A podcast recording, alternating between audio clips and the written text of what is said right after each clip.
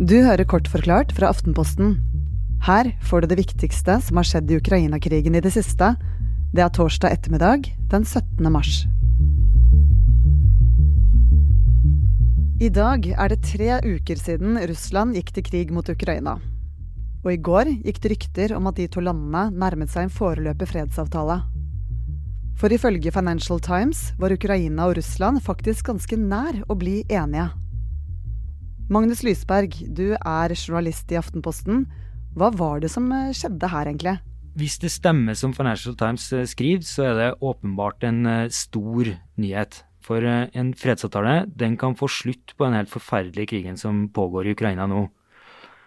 Det Financial Times skrev, det var at Ukraina og Russland har blitt enige med et utkast til en avtale som besto av 15 punkter. Vi vet ikke hva alle de her punktene er, men vi vet noe. Og Det viktigste punktet er at Russland skulle trekke hæren sin ut av Ukraina, men i bytte mot det så måtte da Ukraina gi fra seg deler av landet sitt. Det dreier seg om Donetsk og Luhansk og Krimhalvøya, der Russland eh, har hatt delvis kontroll i åtte år nå. Og det er en forferdelig vanskelig byttehandel for Ukraina. Eh, det sitter veldig langt inn. Men Derfor så er også nyheten om denne avtalen veldig oppsiktsvekkende. Og så har det jo etterpå vist seg at saken til Financial Times kanskje ikke stemmer likevel. Ja, for eh, litt senere samme kveld så kom det en kontrabeskjed. Eh, både Ukraina og Russland avviste at de nærmet seg en fredsavtale. Betyr det at informasjonen om forhandlingene var helt feil? Det er veldig vanskelig for oss å si. Vi var ikke i rommet der eh, forhandlingene fant sted. Det er ingen andre medier i verden heller.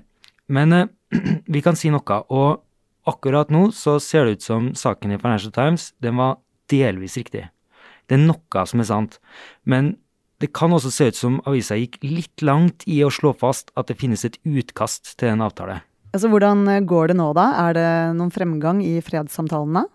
Ja, eh, det er noe som skjer. Det ser ut som det er litt eh, framgang. For på den ene sida så har Russland på et vis erkjent at Zelenskyj er president i Ukraina. Russiske myndigheter kaller han ikke lenger en narkoman nazist, sånn som de gjorde eh, da krigen starta. Og på ukrainsk side så har det også skjedd noe. Det har vært et uh, veldig viktig krav for Russland at Ukraina ikke skal bli med i forsvarsalliansen Nato. Og det har nå Zelenskyj gitt litt etterpå. Han har sagt at et medlemskap ikke kommer til å skje. Ok, Så hva er det som eh, nå er så vanskelig i forhandlingene? Nei, eh, det er viktig å huske på at det fortsatt er krig, og at Russland fortsatt bomber ukrainske byer. Og det gjør det veldig vanskelig i utgangspunktet, fordi hvis de skulle bli enige om en avtale, så må de også kunne stole på at avtalen blir holdt. Og nå er det veldig, veldig vanskelig å for Russland og Ukraina å stole på hverandre. Det er et kjempestort problem for å klare å bli enige om en fredsavtale. Samtidig så er det veldig viktig å få slutt på krigen. Det er forferdelig mange som dør. Eh, det dør folk hver dag.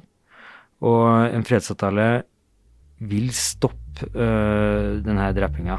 Så um, vi, kan, vi, kan, egentlig bare håpe at det, at det lar seg gjøre å komme fram til en enighet, men øh, det er fortsatt veldig usikkert, da.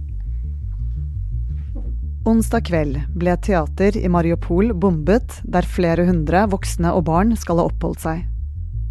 I løpet av dagen i dag ble det bekreftet at rundt 130 mennesker er reddet ut av ruinene. Det er uklart hvor mange som er døde. Det var dagens korte oppdatering. På ap.no får du analysene, kommentarene og alt du trenger å vite om det som skjer i Ukraina nå. I tillegg kommer det flere ordinære forklarte episoder om Ukraina fremover.